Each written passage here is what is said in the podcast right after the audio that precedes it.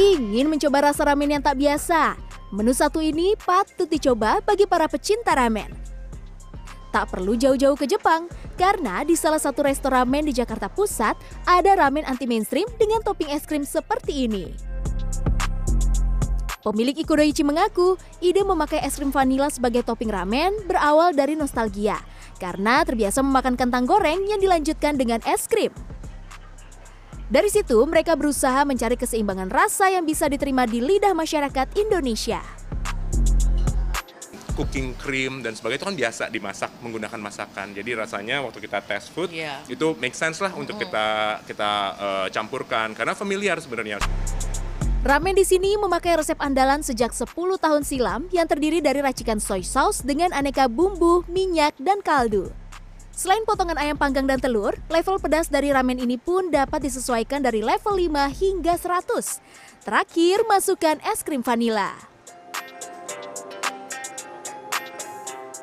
Hmm, saya mau coba ah. Perpaduan manis, gurih dengan mie hitam yang terbuat dari tinta cumi membuat teksturnya terasa kenyal. Ternyata topping ice cream yang ada di ramen ini di luar ekspektasi saya saya pikir itu rasanya akan aneh. Ternyata perpaduan es lima itu membuat kuah ramennya ini menjadi kental, creamy, dan manisnya itu pun tidak terlalu signifikan begitu. Dia tidak terlalu mengubah cita rasa dari ramennya sendiri.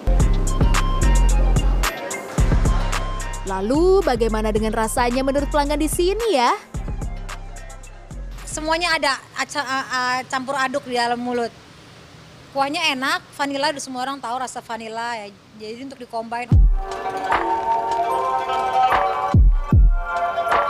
Pilihan ramen unik saya selanjutnya adalah Matcha Chicken Ramen yang berada di salah satu restoran di Jakarta Selatan. Berbeda dengan kuah ramen yang berwarna putih gurih, merah pedas, hingga hitam. Di sini, kuah ramennya berwarna hijau hasil dari teh Jepang. Inspirasinya bermula dari ritual upacara minum teh di Jepang menu-menu di Jepang banyak yang pakai teh gitu. Jadi salah satunya kayak ochazuke, mereka pakai teh juga. Jadi kita terinspirasi dari sana untuk membuat si ramen matcha tersebut. Berbahan dasar bumbu dan saus rahasia yang sudah dicampur dengan teh hijau, minyak yang sudah diracik dengan kaldu, dilengkapi dengan topping potongan ayam yang juicy, fish cake, dan minyak black garlic.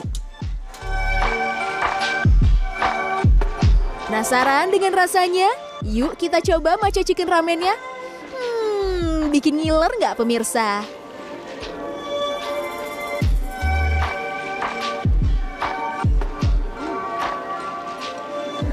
Sangat menarik ya rasa ramen dengan kuah matcha ini. Kalau menurut saya, kuahnya sendiri itu hmm, rasa identik matchanya yang pahit itu ada sedikit di sini, namun tidak terlalu mengubah hmm, citra rasa dari ramennya sendiri karena masih ada rasa gurih rasa kaldu ayamnya juga masih berasa juga dan ini unik banget jadi kalian harus coba